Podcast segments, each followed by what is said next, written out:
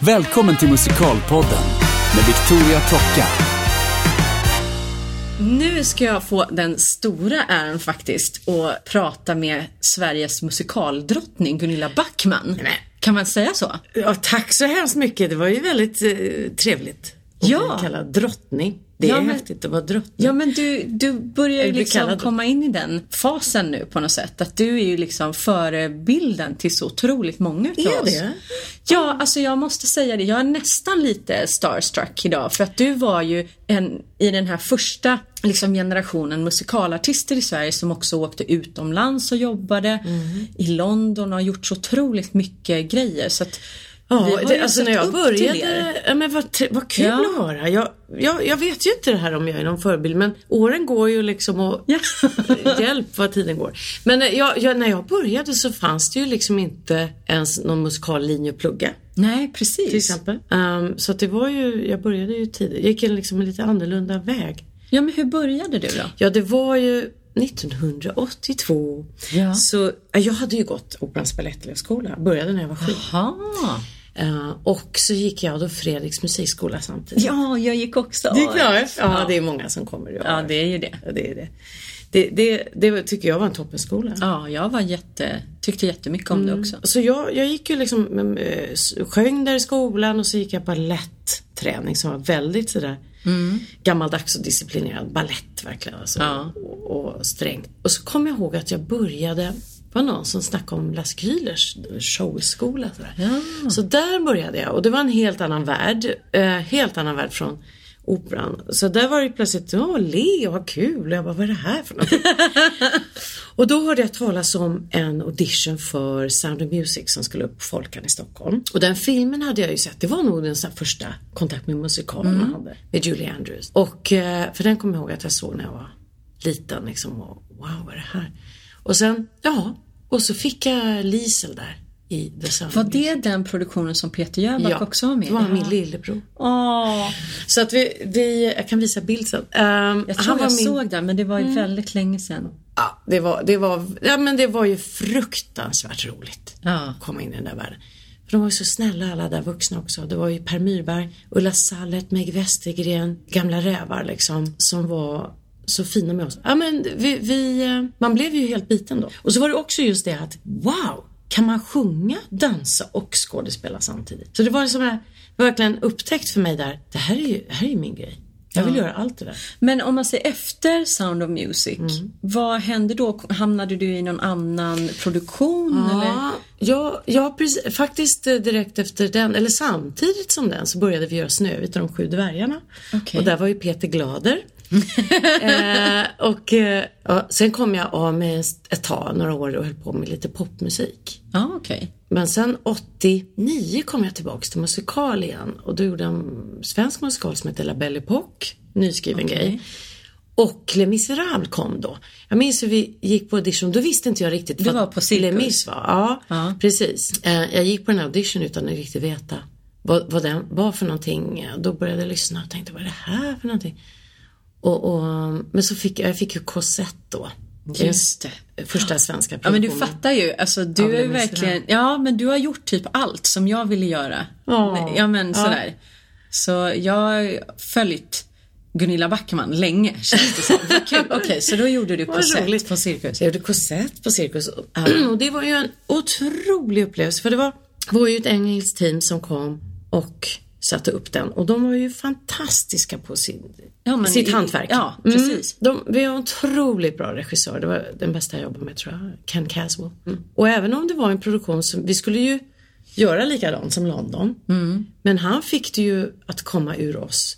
Vi gjorde improvisationer, det var liksom som att vi gjorde den på nytt från början. Och ja, jag lärde mig otroligt mycket och blev inspirerad av det. Ha, vad gjorde jag sen? Nej, men sen? Sen fick jag ju glädjen att göra den åtta år senare igen, som Fontin i Tyskland. Och sen gjorde jag Fontin i London. Just det. Men där är spä- hur liksom hamnade du utanför Sverige? Eller hur Ja. kommer det sig att du... Just det, det var... Jag, sen fortsatte jag gör, gjorde lite musikaler. Jag gjorde West Side Story, var ju en dröm. Ja, såklart. Världens bästa musikal. Eh, 92. Ja. Sen gjorde jag lite revyer och, och grejer och med Bosse Parnevik revy och det var så kul då för Monica Z var med där. Och Träffade ju sådana, Uffe Larsson som inte lever längre heller. Ja. Då kom det lite folk till Stockholm och hade audition för tysk produktion av Sunset Boulevard. Och då gick jag på den och tänkte så här, det här kan jag egentligen inte ta det här jobbet. Men jag, det är bra att gå på audition. Det, man får, alltså, just gud vad, alltså jag har gjort hundratals auditions. Jag kanske har gjort, jag vet inte, flera hundra. Eh, Men man tänkte, det här det är bra, det är bra, man synas hela tiden. Och det, det är ju ett sätt, jag tycker det är bra när jag vet inte hur det är idag för att det är så få auditions som tycker jag. Jag vet inte, det kanske inte jag har blivit uppringd. Det är så mycket upplever- unga nu eh, som ska vara i musik. Eller Men jag måste, upplever nog också att det är ganska få auditions. Det är mycket som... och jag gillar det någonstans ändå för det är ändå att man får en chans att visa sig som, Ja, som eh, kanske ny eller som, som icke-känd och sådär. Mm, Men hur som helst, då var, då var det ett eh, brittiskt team framförallt. Det var David Greenwald som är castingagent för Lloyd Webber. Just det. Han är fortfarande det tror jag. Uh, Han var här i Stockholm och då fick jag jobb i Tyskland i Sunset Boulevard. Okej. Så, så började min Och vad utlands... gjorde du där? Då, då var jag inhoppare för Betty Schaefer i Sunset Boulevard. Ja, fruktansvärt Samma. bra föreställning tycker Ah, jag. jag älskar den. Jag älskar den. Det tycker jag är bland det bästa han har skrivit. Webber. Ja. Men det var så roligt då för då var jag så här, det var så stort att åka iväg på något sätt. Jag så här, ska jag verkligen åka iväg? Så jag minns hur jag sa till min mamma så här, mamma ska jag åka iväg? Ja. ja. Då bodde jag på Blekingegatan. Men, ska du gå där på Blekingegatan? hon. Det var så, det var så bra bild liksom. Nej, Ja. nej, klart jag ska iväg. Och sen var det också Rickard Karlsson, min kompis som jag hade gjort Les Misérables med. Han fick också jobb där. Så då sa vi, åker du så åker jag. Ja, så åkte vi, åkte vi iväg och, och liksom pluggade in det där på tyska. Och, han har ju fotografiskt minne, det är helt orättvist. Han lärde sig ju den här Joe Gillis på tre veckor på tyska. Ja, vi hade jättekul. Vi åkte till Tyskland och sen fick jag, gjorde audition i Tyskland för den tyska produktionen av Les Misérables. Då fick jag Fontin. Så då, jag var ju två år i Tyskland och jobbade då. Ja. Och spelade man ju faktiskt åtta i veckan också. Också säger jag, för det gjorde jag sen i London. Men eh, åtta i veckan, man hade dubbla lördag, dubbla söndag. Så när folk sa Have a nice weekend. Mm.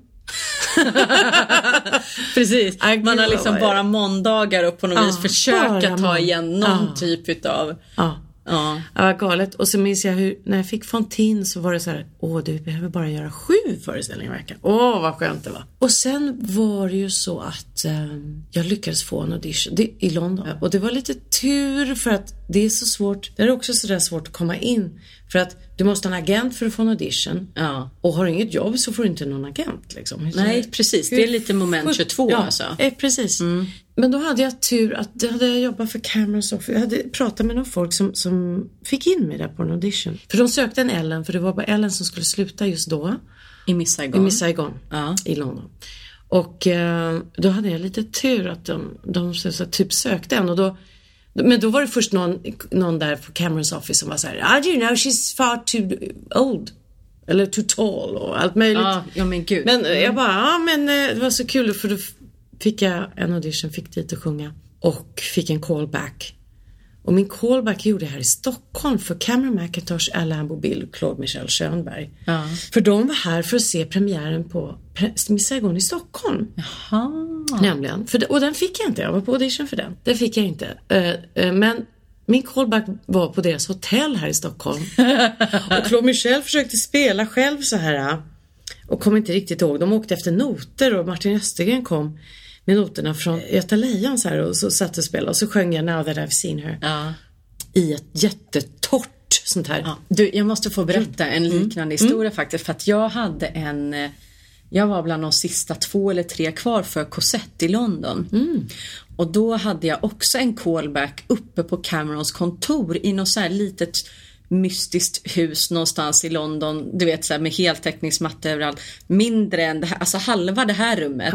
Och han satt liksom bakom någon ja, med sitt skrivbord liksom och så satt det någon kompmänniska med liksom någon så här synt i hörnet och jag stod typ du är en och en halv meter ifrån Cameron och så några till. Alltså det var så trångt i det här rummet. Jag kommer ihåg att allt var brunt. Men du vet, här, Och bara så skulle du stå där och försöka sjunga liksom i den här Nej, jättemärkliga situationen. Nej, sen fick jag för sig komma och sjunga på, på stora scenen där också. Men alltså bara apropå så här konstiga Ja. upplevelser. Man har ju så konstiga auditionupplevelser alltså. Ja. Och det är bara är ju läget på något sätt. Ja, det är det. det, och det Och då man kommer får jag ihåg- hitta sätt att, att liksom, var ska jag sätta, fästa Ja, blicken? det var Vem ska, ska jag skitläskigt. titta på dem eller inte? Ja men Och hur tittar du på Cameron McIntosh när han sitter en och en halv meter ifrån och bara A heart full of love. Nej men alltså. Nej. jag visste inte vad jag skulle göra och ser man så ung också och ganska orutinerad. Ja. Men det var liksom. Ja, det är ah. ju så. Och så kommer jag ihåg att, och jag är ju ingen bältare utan jag är ju liksom mixare och sopran i första hand liksom. Och de tyckte Cosette gick jättebra. Och så ville de att jag skulle sjunga Eponin också. För att jag vet inte om de tänkte sig då att man skulle vara understudy för Eponin. Alltså jag vet inte vad de tänkte. För jag kände så här, det är två helt olika grejer Verkligen, liksom. ja. Mm. Men jag skulle sjunga för båda i alla fall. Och det var skitäckligt att stå i det där lilla rummet och försöka bälta on my own. Jag som inte ens kan bälta. Jag mixade ju och sådär. Men Mm. Sen slutade med att jag inte fick det ändå för jag var för lång. Ah, Men du vet, det var liksom riktigt så här på målsnöret flera gånger faktiskt. Men ja, skitsamma. Ja, det har också varit med om. Auditions. un, under, ja, gud, så mycket att berätta. Men Mm. under en vår i London så gjorde jag, tror jag, vad var det? 27 auditions med, inklusive callbacks. Och inte fick det. Ja. Så man har ju gjort, alltså jag, jag, jag pratade ju i en föreställning jag gjorde för några år sedan att jag har ju fått, man har ju fått fler nej än ja. Oh ja. Så att man, det glömmer folk bort sådär att, Mm. ja men vadå, du får väl bara jobb hela tiden. Nej, det är väl väldigt mycket besvikelse på vägen alltså. Ja. Men what doesn't kill you makes you stronger I guess. Ja men typ Man så. hittar ju något. Och sen är det ju de här ja-grejerna. Till exempel då, när jag hade gjort den här callbacken för dem på hotellet. Ja. Så, så minns jag någon dag senare att eh, min pappa fyllde år, vi hade stort kalas. Precis när folk började komma så ringer telefonen. Jag, jag svarar, jag tänker inte på liksom. Nej. Och då bara, this is Satya from Camerons office. We would like to offer you the role of Ellen. Alltså, då, ja, men då blir man ju så, alltså man blir så sjukt glad. Så jag minns jag sprang upp till mina föräldrar och bara, jag fick jobbet. Och då glömmer man bort alla de här jobbiga ja men så är det ju. Man, man liksom, allt är förlåtet. ja, det var fruktansvärt roligt alltså. Ja såklart. Och få, alltså ett sånt jobb också som första jobb var väl då i London också? Mm. Det var mitt första jobb i London och då hade jag härliga två veckor på mig att repetera in. Eh, den är i och för sig inte någon stor roll men Och på engelska. På engelska. Jag vill bara flika in det för jag Ja. hade tio dagar på mig att lära mig Kristin på danska. ah, dejlig! Ja! Det var ju... för helvete. För helvete men! Gjorde du det alltså? Ja, gjorde Bra jag. jobb. Men jag vill bara så här, Ja. duktiga jag, klappa mig på axeln. ja, det ska man göra. Ja. Det var... Så jag tycker inte jättesynd om dig. Nej. Vill jag bara säga. You've been there, done that. ja, men det är, det är ju, eh, det var liksom, tycker jag, jag menar upplevde du det i Danmark där? För att för mig var det så här, nya människor, nytt folk, Ja. ny stad, ny, ny språk. Alltså man var ju, vad man utsätter sig för. Ja. Jag kom in där på teatern och jag verkligen kände hur folk tittar på så här. Ja. Vad är det här för utlänning som kommer Ja. och ska jobba. Men det var, det var, det blev ett så härligt, jag var där 18 månader tror jag jag gjorde i Saigon. Jag älskade det för det, det var också så jag hängde mycket i Filippinernas rum för att de var också hemifrån. ja, just det. Ehm, och vi, blev, vi fick en väldigt fin sammanhållning, den casten. Jag kommer ihåg vi, vi kunde gå sådär efter föreställningen och gå, i London kan man ju gå på midnight movie, alltså man kan ju gå Ja, på bio på halv tolv på natten. Och sen kan man gå och sätta sig och käka eh, mat i Chinatown klockan tre på natten också. Liksom. Ja, det det. var så jävla mysigt. Nej, men jag jag, många, några av dem där är fortfarande goda vänner som jag har kontakt med. Ja, kul. det är väldigt fint. Och sen var det ju så här att det var ja, åtta i veckan och man var ju helt, eh, ja men man kör ju på liksom. För att det var ju, man är ju så glad att man har fått det jobbet. Och det får man ju också höra väldigt mycket. Att man ska vara det. Ja, jo precis. Eh, för att det är ju verkligen inte glamoröst eh, backstage och man blev lite sjuk och de undrar Oh how sick are you really? Och de ringde, alltså jag blev lite illa berörd av för att man kunde ringa sig sjuk och då var man ju skitsjuk. Ja. Så kunde de ringa. Kom in för doktorn, så- de- deras husläkare skulle titta på en. Liksom. Dr Death kallar vi honom. Ehm, han gav så här B12-sprutor för, vi skulle- jo, för vi skulle köra på. Shit, alltså Men- det är sånt som man gör liksom med tävlingshästar Ja men typ. Ja men vad var verkligen Ja. det alltså. Men jag minns just en gång jag kom in. Så jävla dumt. Kom in, var sjuk. Och han tittade min hals. Ja, hon är röd i halsen. Hon får gå hem. Ja, tack jag får gå hem nu. Jag kunde ju smittat ner massa folk. Liksom. Mm. Ja. Det är så dumt. Ja. Hur som helst så Ja men för generellt får man ju ändå säga att är det några som har extremt hög arbetsmoral så är det ju artister. Alltså skådespelare, sångare, musikal. Alltså folk jobbar ju. Jag hade inte en enda sjukdag på två år i Phantom. För att min inställning var så länge jag kan leverera sångmässigt för publiken så att de får en upplevelse de har betalat för. Förstår du? Att jag liksom i alla fall kan sjunga det. Då är det liksom, Då då är det Alvedon annars som gäller liksom. absolut. Och Så att, alltså, jag, jag hade konstigt. inte en sjukdag på två år. Och det var ju för sig, ja men det är ju fantastiskt. år, ja, Men, men, eh, för jag menar hade jag varit sjuk på alltså så här, så, då hade jag inte gjort det. Men jag hade liksom det som regel Mm, för mig själv. Att så länge jag kan leverera för publiken så går Blir jag man dit. magsjuk dock, då liksom Ja men då, det här blev jag ju inte. Tack gode gud. ja. För då går det ju inte. Nej. Men du fattar vad jag menar. Så Absolut, länge liksom har man lite publiken- feber, nej förkyld, nej man Nej. kör. Ja. Det finns ju alla möjliga tricks för det där. Liksom diverse slemlösande och det ena med det Som man andra. håller på, alltså. Ja, herregud. Ja, förlåt. Åh, det där, nej, men det, när man vaknar är det ju sådär, äh, äh, och rösten liksom, Varje den morgon. där, Det är ju en jäkla press. Och jag hade ju någon influensa där som inte gav sig riktigt. Och, och så var det lite dumt då, för man, man, jag fick, jag gick på audition för Les Misérables i London då. Och så fick jag Fantine. Och då blev jag så himla glad. Men då fick jag ju ingen paus va. Då repade vi Les Misérables och jag spelade åtta i veckan. I en månads tid. Och sen hade jag en dag ledigt emellan och bytte föreställning liksom. Ett år till liksom så. Eh, och då hade jag typ jobbat fem år sådär i åtta i veckan nästan. Ja, typ sju, åtta i veckan. Och då började jag, så småningom slutade det kontraktet. Då började ju faktiskt svaja i, svaja i mig. Alltså jag, jag Ja. Ehm, fick så tinnitus och golvet gunga. Nej men jag, jag blev Alltså, utbränd. ut- ja, ja, jag blev utbränd. Utmattad. Alltså, och det visade sig att jag hade faktiskt, eh, jag hade jobbat så hårt så sköldkörteln blev inflammerad. Ja. Den, den jag, jag, jag jobbade på adrenalin Ja. helt enkelt. Ja. För att det är ju konstigt på ett sätt hur man kan köra över sig själv. För man vill det så gärna. Alltså man, när man älskar att göra det man gör så, så ger det så mycket energi också. Men det kan också vara en fara för att du, då kör du över dig själv för att du vill att det ska gå. Eh, och så, då fick jag ta en ganska lång paus Ja. eh, efter det. Eh, men så småningom piggnade jag till och så kom jag till Danmark och gjorde chess. Okej, så du gjorde Chess i Danmark med Stig Grossen? Precis, Chess i Danmark med Stig Rossen och så var det en engelsk cast. Emma Kershaw, um, Zubin Varla. Eh, vi, vi gjorde faktiskt en dubbelskiva på den. Det finns... Ja.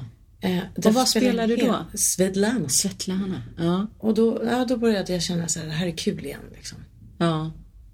Sen kom Garbo the Musical. Just det. Gjorde jag audition för och fick Garbo Som på gick Oscars. här på Oscars. Det skulle vara en nyskriven produktion och det, den gick ett halvår på Oscars bara, så gick den i konkurs. Jag var och såg den faktiskt. Jo, det Tyckte det var- mycket fin musik i den Visst, föreställningen. alltså det är så bra musik i den. Jätte, jättefin musik. Mm.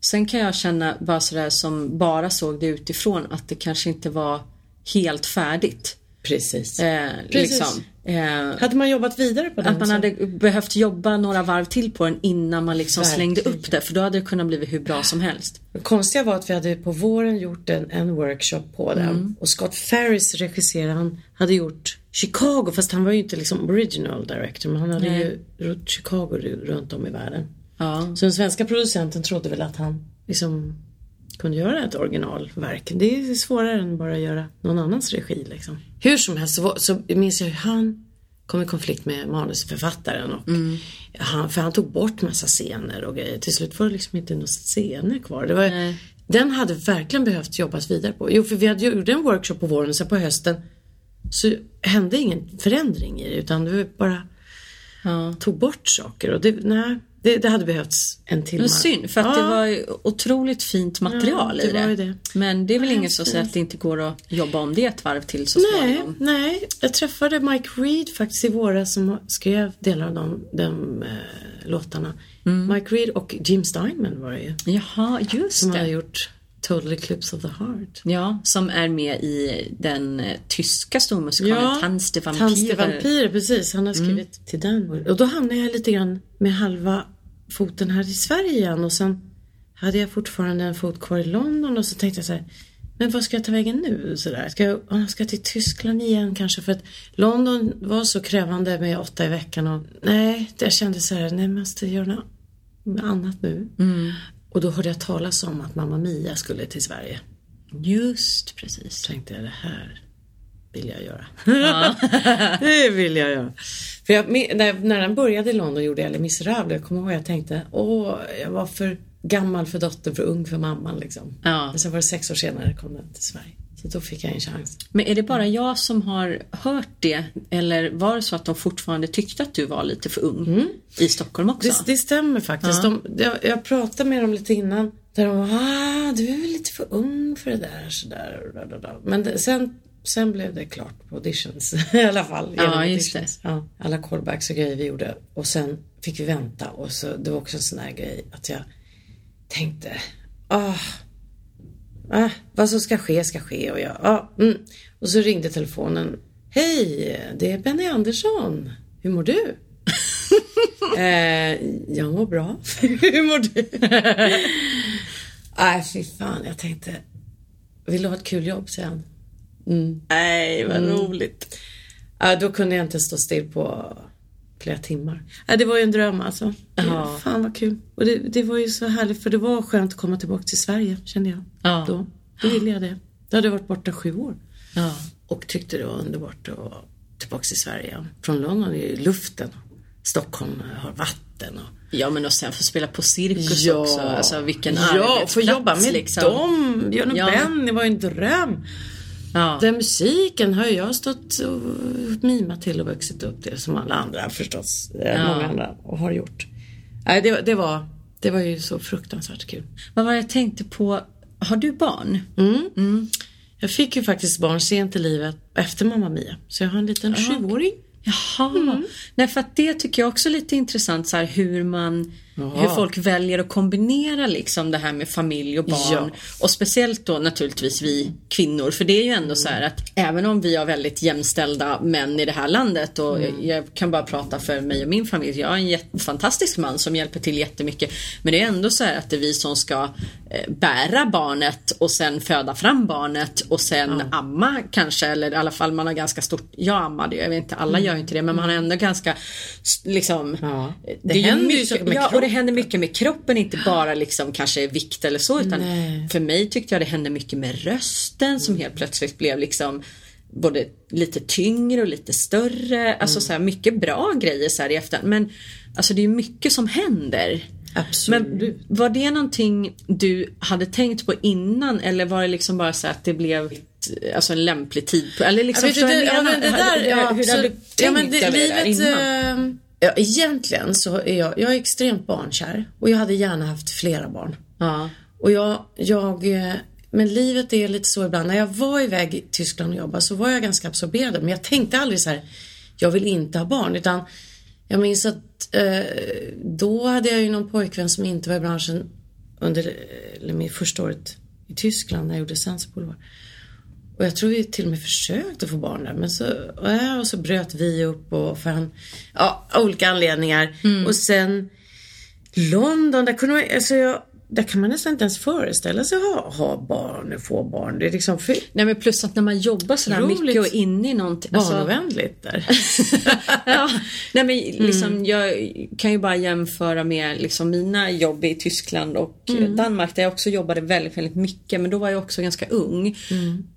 Och just att man lever ju bara för jobbet. Mm. För det blir ju så. Så fort du vaknar på morgonen så det första du gör är att kolla är rösten kvar. Liksom, mm. Mm, mm. Och sen är det någon slags här, vila Mm. slash komma igång inför nästa föreställning. Alltså det går ju inte att... Men du måste ju känna så här nu när du har barn bara Åh, vad hade man för enkelt liv? Ja. Vad då oro eller bekymmer? Nej, alltså vad Ja. enkelt allting är. ja För det, det, det är ju otroligt ut- utmaning att ha barn. Ja, och det är det bästa som finns. Ja det Så- är ju det. Men, men, Men jag, de tar tid. oj, oj, oj, oj, oj. Ja, det, det är piece of cake och liksom, man fattar inte hur, hur Nej, man bara sig själv. jag tycker ibland är det lite så här att man liksom kan skratta lite åt de Ja. här 20-åringarna Ja. som har så himla mycket att göra och man bara really? You really, you don't know. Men jag, jag, eh, nej men jag gjorde Sunset Boulevard Så, och då var min son inte ens ett. Då hade jag ju fått den innan. Det var ju som tur, det var lite timing att jag Och nu eh, pratar vi Sunset Boulevard Boulevard i, Göteborg. Göteborgsopera. Precis, precis. bara så att vi inte blandar ihop. 2010, 11. Ja, precis. För det var ju efter Mamma Mia då. Det var efter Mamma Mia och efter jag fått Leo, Ja. eh, min son. Och då, då minns jag att jag inte fick sova så mycket. Jag fattar inte hur det gick till men jag kommer ihåg hur jag kom till teatern och bara Alltså jag var så trött va. Och, och så någon, någon ung eh, pigg person som ändå var så här. Åh jag har sovit dåligt, jag vaknade för tidigt. Jag bara du vet inte vad trött är. Ja, jag, jag fattar inte riktigt men allt går ju du, på något sätt. Ja, för jag tänker lite på um, Kelly O'Hara som eh, spelade eh, original Francesca på Broadway i Broarna i Madison County. Som liksom har med sig, du vet, typ så här tre, fyra månader gammal bebis och ammar i varenda liksom, paus typ och sen in och spela Oj, liksom. oj, oj. Och just på Broadway typ åtta gånger i Ja. veckan också med barnflicka och bebis i logen liksom. Ah, vem var det jag tänkte på som, som har, tror jag, tre barn? Audra McDonald. Audrey McDonald, tack. Ja. Audrey McDonald såg jag göra. Hon har ju precis fått en ny nu också. Har fått en Så till? Jag tror det är en fjärde nu. Alltså, hur är det möjligt? Hennes man jobbar också. Eight shows a week. Ja. Hur, hur, hur får de ihop det? I don't know. Ja, Vi får, jag får gå dit och fråga. Barnflickor och... nej, det, det, jag fattar inte. I mitt fall så, så det är klart, jag, jag är så glad att jag har fått uppfylla en del av mina drömmar. Så, men, men jag, jag sörjer lite. Jag hade gärna haft tre barn. Men jag livet kunde inte Man kan inte planera. Jag försöker Nej. säga till ungen nu att du kan inte planera in det. Du kan... Så, så bra. Och Alltså, det- ibland så, alltså just när vi ska prata barn så, jag menar, min dotter blev ju liksom till på första försöket typ och Mm. min son, alltså det tog ett tag innan det blev något. Jag kommer ihåg att jag var så arg på min kropp för att jag hade, hade typ planerat att nu vore det liksom, Mm. ja, skulle det passa Och så bra. hade första gått så lätt. Så Ja, det- och så bara blev det liksom inget så och så blir så. man så här skitirriterad. Men så här, Jag var Mm. besviken på min kropp och bara vad är problemet? Och du vet så här, det är verkligen så att du kan inte planera de där grejerna. Nej. För det är ju inte som att liksom skicka ett brev på posten och bara nu passar Ringa det bra. storken. Nej, nu Nej. passar det bra med en bebis. Nej. Utan det blir när det blir Det liksom. blir när det blir. Och det är klart det är jättesvårt. Det är svårare för oss kvinnor såklart. Ja, men det är svårt i den här branschen Ja, eftersom man inte det- Mm. har ett fast jobb utan man hela tiden måste vara ute och, och jaga jobb eller liksom skapa sig jobb eller göra auditions eller vad man nu gör. Nej men det är ju... Det är tuffare. Det krockar. Ja. Det krockar gör det ju. Ja, jag hade ju någon sån där idé också. Man, man vill ju gärna njuta av det barnet också. Ja, och såklart. vara liksom för mycket... Men jag upplever så här. När jag nu fick barn Mm. så, så har jag varit så glad för att jag tror många andra som har vanligt jobb inte har så mycket tid med sitt barn. Nej. För emellanåt så har man är frilansare och det, det är osäkert men emellanåt så har jag haft mer tid Ja, än kanske absolut. vanlig arbetare. Om man har möjlighet att, att ta med dem och eh, Ja, sen blir det svårare när de ska börja skolan och så. Då Ja, får man ju, det är mycket därför jag flyttade hem nu. Ja, musikaler är ett resande folk. Ja, men det är ju Man det. får ju vara beredd att... Ja. Jag, jag, jag, tar ju, jag har ju tagit något eh, det var i Göteborg då, var ju min son med mig. Men Ja. eh, sen gjorde jag ju Sommarnattens leende i Malmö till exempel. Men det var Mm. sådär, Vad gjorde du i den? eh, gjorde Desirée Armfelt. Ja, Eh, det var en dröm. ja såklart. Vilken musik. Ja, jag älskar det, älskar det. Send in the clowns där man fick sjunga där. Ah. Det, det är bland världens bästa sånger. Mm. Ehm, Har du hört historien om den förresten? ja, den tillkom på slutet va? Ja, men, jag, den historien jag har hört i alla fall Mm. var att Sondheim presenterade musikalen och så var det någon då i produktionsteamet som sa att ja, men den har ju ingen hit. Mm. Och så gick han liksom in i ett rum i tio minuter och kom och slängde fram sen i Klaus bara här har ni en jävla hit. Ja, typ, typ ja, men, så, typ ja. så. Det är Ja, jag har hört fantastiskt. något liknande. Precis, att det kanske över natten satt och skrev. Äh, inte men alltså, väldigt ja, snabbt alltså, i alla fall. Ja, Mm. och det är hans största hit. Ja. Och den är, Men vilken den är sång. magisk. Nej men det går alltså. Ja, men, det, och det var, men då var det sådär lyx som det kan vara att det, det är tre dagar i veckan man spelar. ja. kunde man ju pendla hem. Ja, Men så har jag det nu med Från Broadway till Duvemåla. Vi bokar ju Mm. Det är liksom... underbart ju. Ja, det är superskönt. Då får man, eh, tycker jag, själv också en balans. Man får Ja. egen tid och man får så här, komp, umgänge, ro, ofta är det trevliga människor man Ja, med. oh ja. Och ha kul och sen så kan man liksom vara hemma lite sen när man Ja. Ja, det är ju en balans i livet faktiskt ibland. Ja, Ibland får man till det. Ja, bra! Jo, men, och då var du i Malmö och gjorde det. Så här, hur känner du inför liksom, att bli äldre i musikalbranschen och i underhållningsbranschen överlag? Jag vet ju att du har varit ute och turnerat med den här Barbara Streisand-föreställningen till exempel. Var det du som initierade Den det? har jag initierat själv och Ja, vad kul. det är lite så man får jobba. En sak är ju att jag tycker det är kul att, att göra så mycket olika saker så jag vill bredda mig och det, Ja. det är väl en bra sak att bredda sig så mycket man kan. För att jag tycker det är oerhört roligt att göra så konserter också, alltså rent så musikaliska framträdanden eller bara skådespeleri.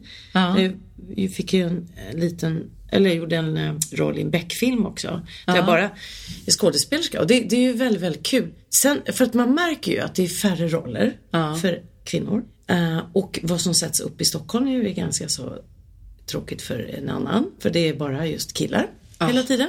Ja, Killroller. verkligen. Killar, killar, killar. Ja. I de flesta produktioner. Och ehm, nej men man får, man får försöka komma med lite idéer själv. Den Streisand-hyllningen jag gjorde var en pianist Joakim Holgersson. Det var att vi sjöng på ett bröllop som det började och Streisand-låt och upptäckte att båda två var stora fans liksom. Och Ja, okej. så kom jag vi, vi, gör, vi gör något om Barbra Streisand. Och då var jag även någon producent vi pratade med och som var såhär, naha, nej, nej. Alltså var såhär neggo, men då får, stod vi på så vi, och sen har vi utvecklat den där. Ja. Och till slut så blev det en turné av det. Och Ja. även jag fick gästa med radiosymfonikerna, radion på Berwaldhallen.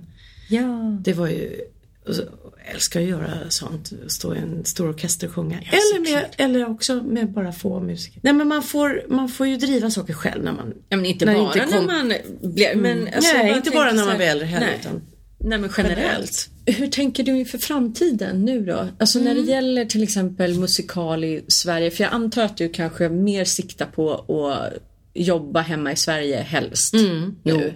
Eller? Det, det gör jag. Jag, jag. jag eh, åker ibland, nu var jag här om veckan i Indien och sjöng lite. Nej, vad kul! Men det var för svenska ambassadens räkning. Det var Ja. väldigt kul.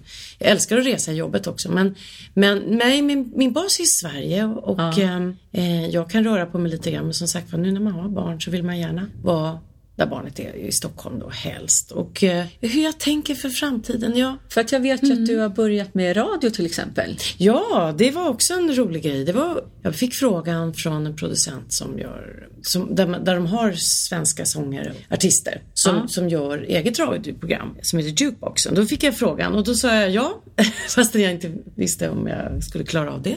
Man kastar sig ut. Ja men det är bra. Utanför sin bekvämlighetszon. Sä- Säg ja och lös problemet. Ja, så lite så var det. Ja. Ja. jag gör det. Sen var ju det faktiskt väldigt kul. Ja. Så då, då var det så kul också för jag har fått det till. Jag ska göra det till i januari. Jag tycker om att prova nya grejer. Men har du fortfarande någon drömroll eller så här drömföreställning? Någonting som Mm. du fortfarande känner så här, om någon skulle sätta upp det här. Liksom.